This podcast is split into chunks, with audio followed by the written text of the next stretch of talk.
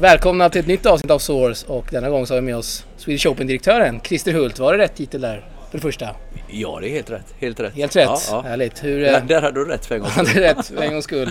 Hur är läget med dig Christer? Jo, det är fantastiskt bra. Eh, Man är väl lite sliten men eh, man är ändå glad och stolt. Det har varit två eh, grymma veckor här så här långt va? och eh, nu har vi ju semifinalerna som pågår där inne och imorgon finalen och då känns ju alltid skönt när man har gått igenom två veckor här och eh, det har varit grymt bra tennis tycker jag. Det har varit väldigt mycket folk här, över förväntan. Så att det är också väldigt kul. Ska se att vi spelar in det här under, under lördagen och vi närmar oss av en slutskedet av herrveckan. Hur går tankarna hos dig? Känns det inte lite tråkigt ändå att vi snart är över? Ja, det är ju samma sak varje år. Nu, nu har jag ju varit med så pass många år och drivit det här och det är, väl, det är väl lite grann samma känsla varje år just här när man går mot sluthelgen. Att eh, jag pratar med några av våra volontärer också. De, de var nästan lite ledsna för att det snart är över. Men det, det, det är ju som det är va och eh, här på om ett par veckor när man kanske har vilat lite så börjar vi jobba redan inför nästa år så att eh, det är full fart. Det är liksom jobb direkt snart inför nästa års tävling med andra ord. Ja det är det ju. Eh, nu först här så blir det som sagt ett par veckor ledigt och sen så eh, är det väl lite förberedelse för eh, US Open dit jag åker då upp på en del av de här ATP-mötena då. Vi har ju Tournament Council och eh, Europastyrelsen som träffas däröver och sen när jag kommer tillbaks ifrån US Open så börjar ju säljperioden för nästa år och träffa företag för att finansiera evenemangen här. Så att jo, det är fullt upp. Härligt, härligt eh, Christer. Eh, jag och Patrik Ragen pratade lite där om startfältet. Vi var lite hårda. Tycker att vi var eh, ute och cyklade med vår kritik mot startfältet i år. Ja, alltså nej, jag var, jag var väl inte så eh, kritisk i sig. Det är väl bara det att man får nog ha lite kunskap om det innan man kanske uttalar sig. För det är ju lite så att eh, om man tittar på vilka som spelar den här veckan. Vi hade tre stycken spelare på topp 20. Det var två stycken Koric och eh, Fonini som valde Omag. Eh. Koric men naturligt och sen Fonini har bara två timmars bilresa hemifrån där han bor. Och så att eh, han vill åka med hela familjen så det var hans beslut där. Sen eh, valde ju Matteo Berentini att komma hit och spela men Eh, han gick ju oerhört bra på gräset och det är klart att han var här. Eh, enligt ATPs regler så måste han åka hit och okej. eh, jag pratade med honom för han ville ju träffas och han sa ju det att han, han ångrar ju sig när han väl kom hit. Va? Att Han sa det? Ja det Oj. gjorde han, det är klart han gjorde. Men samtidigt så sa han det att "Ju, Christer jag är helt slut i kroppen alltså så att jag, jag behöver en eller två veckors ledighet här nu. Och det får man respektera för jag menar det, det är människor vi, vi spelar med och tittar man på Fonini då som eh, lämnar in handduken efter ett set och 2-1 i andra i Omag. Så egentligen den enda som, som då spelade på riktigt var ju Koric och han åkte ut i första omgången i, i Omag. Så att om man ser där så, så tycker jag ändå att vi har ett startfält här som egentligen går ut på att försöka hitta de här unga killarna som jag tycker är intressanta för framtiden. Och jag tar ofta paralleller med att vi hade Nadal här när han var 16 år eller när vi hade Sascha Zverev här eh, när han var 17 så, så om man tittar idag på de här killarna med Garin, med tittar på Nicolas Jarry som nu är framme i final här, det är ju helt otroligt. Och så tittar man på, tycker jag också en väldigt intressant spelare för framtiden, Davidovic som fick ett wildcard. Eh, vi har ju då Chomunar som i och för sig torskade här tidigt. Och eh, sen inte minst då som jag, en jävla fin kille som jag tycker kan, kan bli någonting också för framtiden, det är ju Kasper Rud. Och han ligger ju oss väldigt nä, nära hjärtat i och med att han är norrman. Och det märker man ju på sympatierna här på, på läktaren också. När, när man ser Kasper spela så blir ju hela publiken eh, norsk. Eller om det är så att han blir svensk vet jag inte. Men det, det är ju det är ju oerhört roligt. Eh, sen är det är väl så att om man tittar på de etablerade spelarna så tittar nöd, nödvändigtvis på, på topp 20 men om man tittar på en, en spelare som Gasquet idag eh, han ligger ju liksom, lite orättvist för högt i ranken men det gör han ju på grund av att han har opererat sig och haft skador.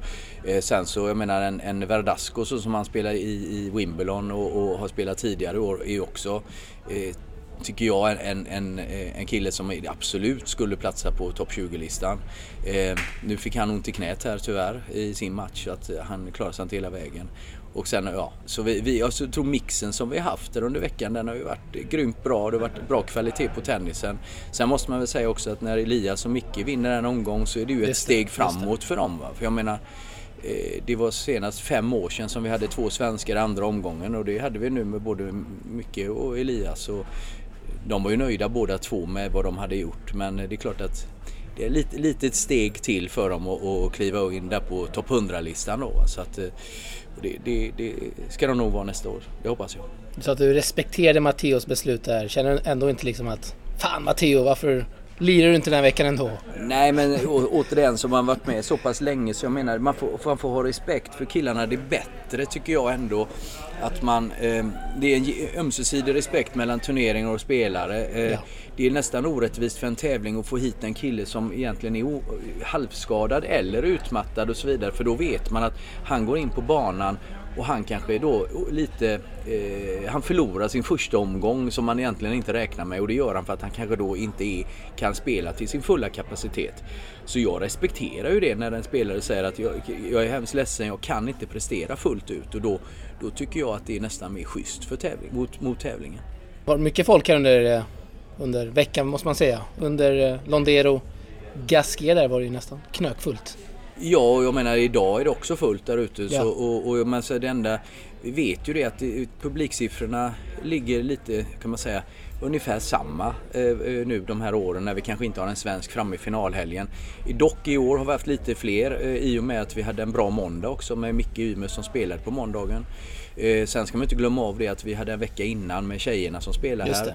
Och det var ju eh, väldigt mycket över våran förväntan. I och med att vi hade fri entré under hela damveckan så vet man ju inte, man har ingen måttstock på hur mycket biljetter som är ute riktigt sådär. Men om man tittar då på vad vi hade på läktarna här så är det ju ofattbart och jag fick ett brev här nu eller ett mail utav eh, VTA-touren och de eh, hyllade ju den här tävlingen upp till skyarna här eh, eh då förra veckan när vi hade tjejerna på grund av att vi hade så mycket folk och gjorde sån PR för, för eh, ja, damtennisen i världen. Och, och de, de, var ju eh, ex, extremt lyriska och ville ju att vi ska förlänga. Vi hade ju den på test i år.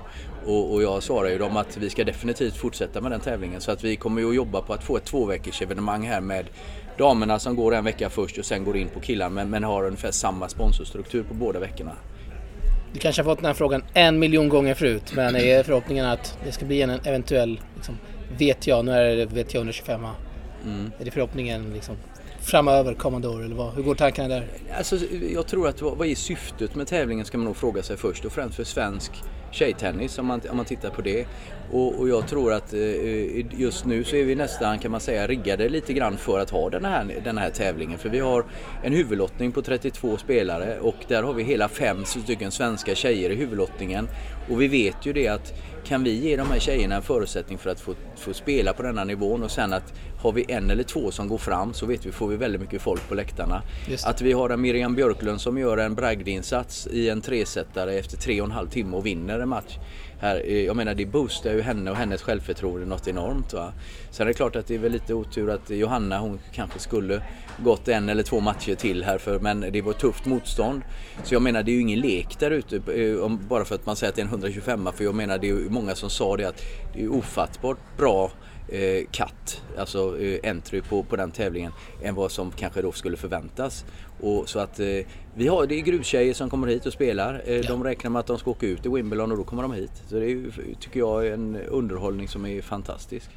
Hur skulle du säga en vanlig dag ser ut för dig här under, under veckorna i Båstad när det är tävlingar? Ja, det är ju fantastiskt kul eh, att jobba så här. Dock så är det lite långa dagar kanske men det vet jag ju också om. Eh, jag går upp klockan eh, halv sju på morgonen, kvart över sex, halv sju på morgonen och går en 6-7 kilometer på stranden här och försöker komma igång, dra igång kroppen. Sen så har jag frukost med hela gängen vid halv åtta tiden och sen startar dagen på allvar med först organisationsmöte med hela gängen och sen har vi sponsormöten och så är det en del media och annat under dagen hem och duscha vid mellan fem och sex och sen har jag våra kvällsaktiviteter med sponsorerna främst så att jag försöker hålla disciplinen och vara hemma före halv ett. Och då kommer jag i säng och sen så eh, går jag upp som jag sa här vid, vid sex, halv Späckat schema. Ja men det, det, är kul. Det är ju så. Det, det är klart att man, man tummar ju sig lite grann socialt. Det gör man ju va. Men eh, vi har tränat ganska bra på det nu genom åren. Så att jag, ja, nej men det är kul är det. det är, man träffar ju väldigt många eh, sköna människor och eh, så länge publik och våra partners och spelare och alla njuter fullt ut så mår jag ruskigt bra. Blir det mycket mingel med sponsorer? Ja, det blir det. Det blir det. Det är ju... Eh, det är ju en del utav mitt arbete att jag ska vara med och, och naturligtvis eh, prata med inför folk och kanske även då mingla runt och prata med dem under tiden de kanske tar ett glas vin eller om det är middag då. Så att eh, det är klart det. Det var en Mercedesfest igår där uh, Wyclef John, säger man så? Han var med och sjöng och Darin också och det var många profiler här på plats. Ja du, det, det, är en, eh, det var en eh, sjuhelsikes fest där nere. Det var ju eh, det var bra tryck. Härligt. Det gick ju både vatten och champagne. Det är som det ska i Båstad. Hur, eh, måste fråga dig Christer, hur går det, går det till rent praktiskt när man ska signa upp en spelare till tävlingen? Eller varierar det, varierar det ganska mycket där? Ja det gör det, det varierar jättemycket. Nu har jag ju som sagt en, en, en roll som jag varit i ganska många år så det blir ju då att man, man först och främst så talar man antingen om man känner spelaren och, och, ja, och spelaren har förtroende för att snacka direkt med mig så kollar man ju hur schemat ser ut för honom. Är det så att det kanske är en ny kontakt vi tar så kanske det är via, via agenten och ibland är det till och med via coachen och då, då pratar vi ofta just kanske kring det här att hur det skulle passa in i, i schemat. Och eh, säger de då att eh, ja, det skulle vara intressant och de kan ju bli smickrade ibland också bara för att man frågar. Och är det en spelare då som är, är, är värd för tävlingen att ha att marknadsföra tävlingen med då är det klart, då får jag ju betala lite pengar, en garanti för dem att komma. Eller så betalar vi en, ett incentive som det kallas då med att de får en slant för kanske gå till kvart och semi och final. Så det är lite olika det där. Men, eh, men eh, det är ju det är ju ofta naturligtvis eh, även då mun mot mun mellan spel, sinsemellan mellan spelarna där de säger fan du måste åka till Båstad för det är så trevligt. Va? Så att det, är ju, det, det händer ju det också. Finns det någon story som står ut kanske när det kommer till att signa upp någon, någon spelare? Nej, inte så. Galen. Nej, ingen, så, ingen, nej, ingen, nej, ingen sån riktigt galen för att signa upp. Nej, det gör det inte. Nej, det gör det inte. Inget alls. Det finns säkert många galna andra historier här, men det, det tar vi en annan gång. Det tar vi en annan ja, gång, helt ja. rätt. Jag kommer rabbla upp några namn här Christer. Och så får du, eh, du får prata exakt hur mycket eller hur lite du vill om just det namnet. vågar, helt vågar du det? Absolut. ja, det är bra. Eh, det, det, vi kör på här. Ja. Benoit Per. Ja, eh, har ju en grym backhand va. Han, han har ju varit här och vunnit och, och eh, är en kille som, han älskar att komma hit. Han, eh, han, har nog inte, han var nog inte här för sista gången. Han kommer nog tillbaks hit, det tror jag definitivt. Eh, ja. Fernando Velasco har varit här i 12 år och tävlat. Det har blivit en, eh, lite av en, en, även en vän vid sidan om banan. Jag har ett eh, stort eh, konstintresse, har fått en bebis här för ett halvår sedan, åtta månader sedan tror jag det var. Är gift med Anna och har, har en, en, jävla bra kille. Han, Lefty, har en inside out som är helt otrolig. Va? Så att han är ju en, och han kan spela på de flesta underlag också för den delen. Så, och det enda han inte har tycker han då att han har ingen titel i Båstad. Och den ska han ha då innan han, han lägger av. Ja. ja, det är fint. Eh, Rebecca Petersson. Ja tyvärr så, så Rebecca är ju en fantastisk tjej. Hon är ju, har ju grymt henne, har ju haft ett, ett bra år. Eh, rankar runt 60 i världen idag. Eh, tyvärr så gjorde hon ett beslut att hon, eh, tycker jag, för Båstads räkning och för våra svenska fans då, att hon valde att eh, istället fokusera på hardcore-säsongen. Jag tycker ska vi promota svensk damtennis och ha, och ha den här tjejtävlingen här som vi har, VTA-tävlingen, så, så, så, så är det naturligtvis eh, kul om alla våra svenska tjejer är på plats. Elias Ymer. Elias har ju jag känt sedan sen många år tillbaks här och eh, han är ju en kille som är en fighter, ger inte upp. Va? Han, eh, han kan nog, eh, tror jag, om han får lite eh, lite bättre serve, kommer igång lite mer mentalt med att få, få lite mer confidence så tror jag att eh, han kan definitivt kliva in under nästa år på topp 100 ner till kanske förhoppningsvis en 60 någonstans. Vi tar brorsan också, Mikael Ymer. Micke han är ju en lite, vad ska man säga, han har ett jäkla huvud. Va? Han kan ju man räkna ner fullständigt. Va? Det ett bra exempel var ju häromdagen när när han i första omgången när han låg under med 2-4 i andra. Han låg, låg, var ju ett set ner. Och jag tänkte jäklar det här vinner han inte så jag gick, åkte hem och duschade jag var Oj. tvungen att vara på en annan grej. Så när jag kommer ur duschen så har han tagit andra.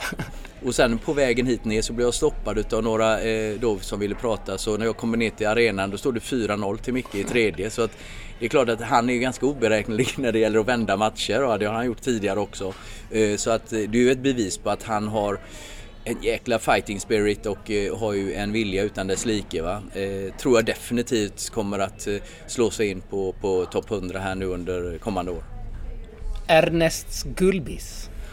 Ja, han har varit med i ganska många år och han, har, han är en profil. Han, eh, tyvärr så fick han ju feber här eh, inför denna tävlingen som vi har så att eh, han, gjorde nog inte, han fick nog inte riktigt ut det mesta av det här och eh, fick ju då, det blev en retire på honom i, i första omgången här så att eh, eh, kan honom inte så jättebra om jag ska vara ärlig. alltså, jag har inte varit så jättenära i någon Precis. rekrytering med honom då utan han har mest anmält sig till tävlingen. Robin Söderling. Robin Söderling, en god vän eh, och eh, en fantastisk tennisspelare. Jag måste säga att eh, vi hade många roliga stunder ihop när han var igång och den absolut i särklass roligaste för mig tycker jag ändå, det var ju när han vann 2011. Han var ju faktiskt, visade sig efteråt, han var lite sjuk då under den. Men vinner ju mot både Ferrer och Berdych och nästan skåpar ut dem här på banan. Så att eh, det är ju en, sen har, har, vi ju jobbat tillsammans. Eh, Robin var ju tournament director för oss i, på Stockholm Open. Jag har fortfarande väldigt mycket kontakt med honom även här nu som i Båstad med, med olika aktiviteter och han är ju på plats eh, på, på väldigt många ställen där jag är som har med tennis gör också. Så att, en kanonfin kille, grym på det han gör och tyvärr så, så hade jag nog jag hade, hade velat se honom lite längre på tennisbanan för det är inte många som, han slog ju nästan igenom vissa av de här gubbarna som, som vi såg på. Alltså han tittade ju, han hade lite svårt för Roger Federer men han slog ju faktiskt eh, Nadal som är franska. Det kändes ju som att han nästan eh, ja, slog igenom honom, honom som sagt. Det måste varit en magisk stämning där 2011. Hur mycket minns du från ja, den det är, alltså finalen och allt vad det var? Jag tror det är en bra måttstock lite grann på vad som händer där vi har en kille framme så. För då hade vi nästan 57 000 besökare här på arenan.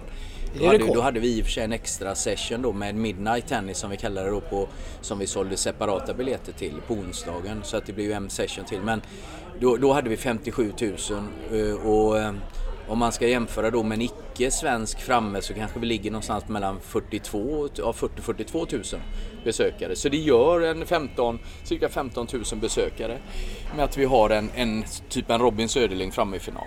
Du nämner Midnight Tennis där. Finns det sådana förhoppningar i ja, framtiden? Ja, Sunset Tennis Sunset Tennis, ja, det, Då börjar vi sent på kvällen här i solnedgången och det blir ju lite party runt arenan samtidigt som vi har kanontennis där nere. Men eh, vad vi märker det är ju att det behövs en, en, eh, en riktigt jäkla bra match och det, det, är klart att det är någon jättestor stjärna eller en svensk då. Då, då, då säljer vi slut arenan. Annars vill nog folk gå ut på restauranger och, och göra annat på kvällen. Om vi inte har det menar jag. Vi får hoppas uh, att vi får fram någon här i kommande år. Vore magiskt, vore magiskt. Vi har några till namn uh, Christer. Mm. David Ferrer. Oh, ja, det är ju en, uh, en kanonkille. han han är ju en eh, ambassadör utan dess like för, för, för Båstad. Spelar ju här, eh, du, jag vet inte om jag är ute och snurrar med jag tror han var 15 eller 16 gånger. Och, eh, ja, och han han har ju alltid talat väldigt gott om, han har ju till och med frågat när vi varit ute och rest på andra tävlingar, kan det någonting jag kan hjälpa till med? Oavsett om det är biljetter eller vad det kan vara för någonting. När han är på plats här så är han eh, schysst och ställer upp på det mesta. Han är en jäkla trevlig person. Eh, jag träffade honom också privat när vi var nere på Mallorca. Eh, så att det är en det är en, en kille som vi saknar här. Det är klart det kommer alltid, det kommer ju till en datum där de lägger av killarna. Och det är ju, det får man väl förstå i och för sig då men, men så att säga, det, det är en kille som verkligen saknas i Båstad tycker jag. Rafael Nadal. Ja, träffade jag första gången eh, när han var 16 år.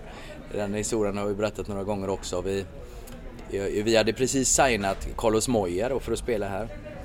Och eh, jag träffade Carlos Moya nere på Hotel Meridian eh, nere i Monte Carlo utanför entrén där och då sa han Christer du måste gå upp och kolla på den unga killen som står på centern och tränar nu. Det är en Rafael Nadal heter han.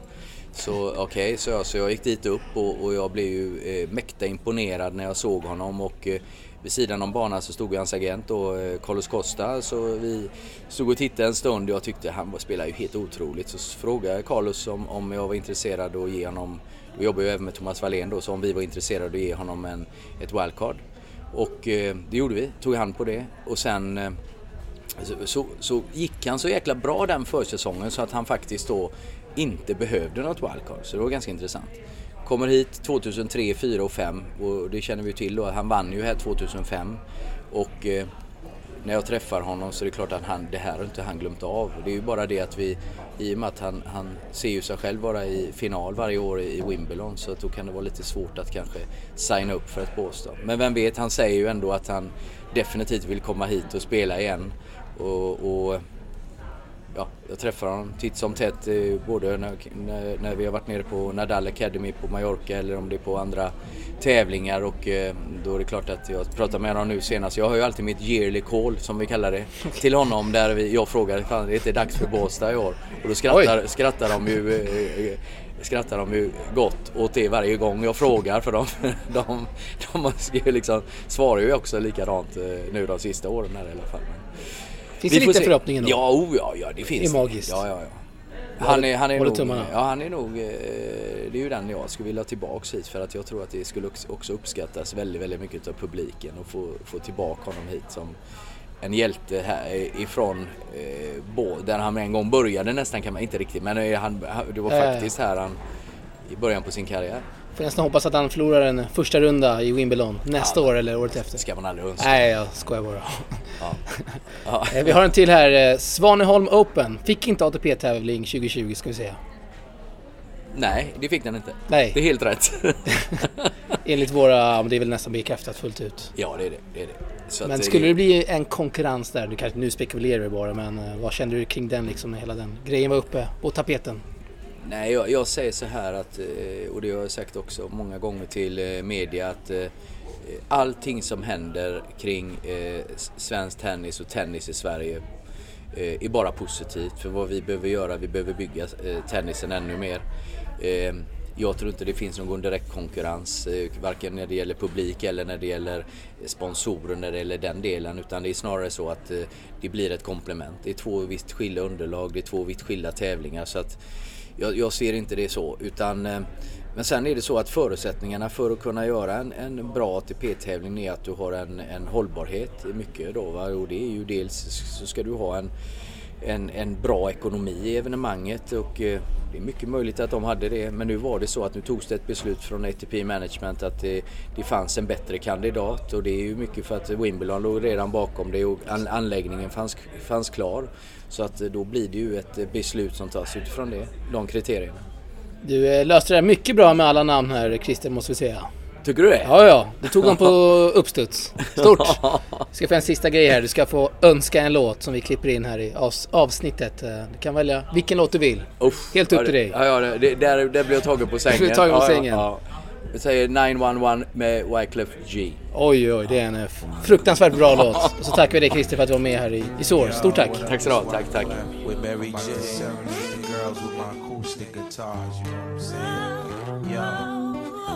Fellas having problems with the chicks. I want you right now to turn the lights down low. Pull your girl up next to you. I want you to sing these words. If Steph comes for me tonight, girl, I want you to know that I love you. And no matter how tough I would have appear, only to you I would reveal my tears. Police I ain't home tonight. Messing around with you is gonna give me life. But when I look into your eyes, man, you're worth that sacrifice. If this is the kind of love that my mom used to warn me about, man, I'm in trouble. I'm in real big trouble. If this is the kind of love that the old folks used to warn me about, man, I'm in trouble. I'm in real big trouble. I need y'all to do me a favor.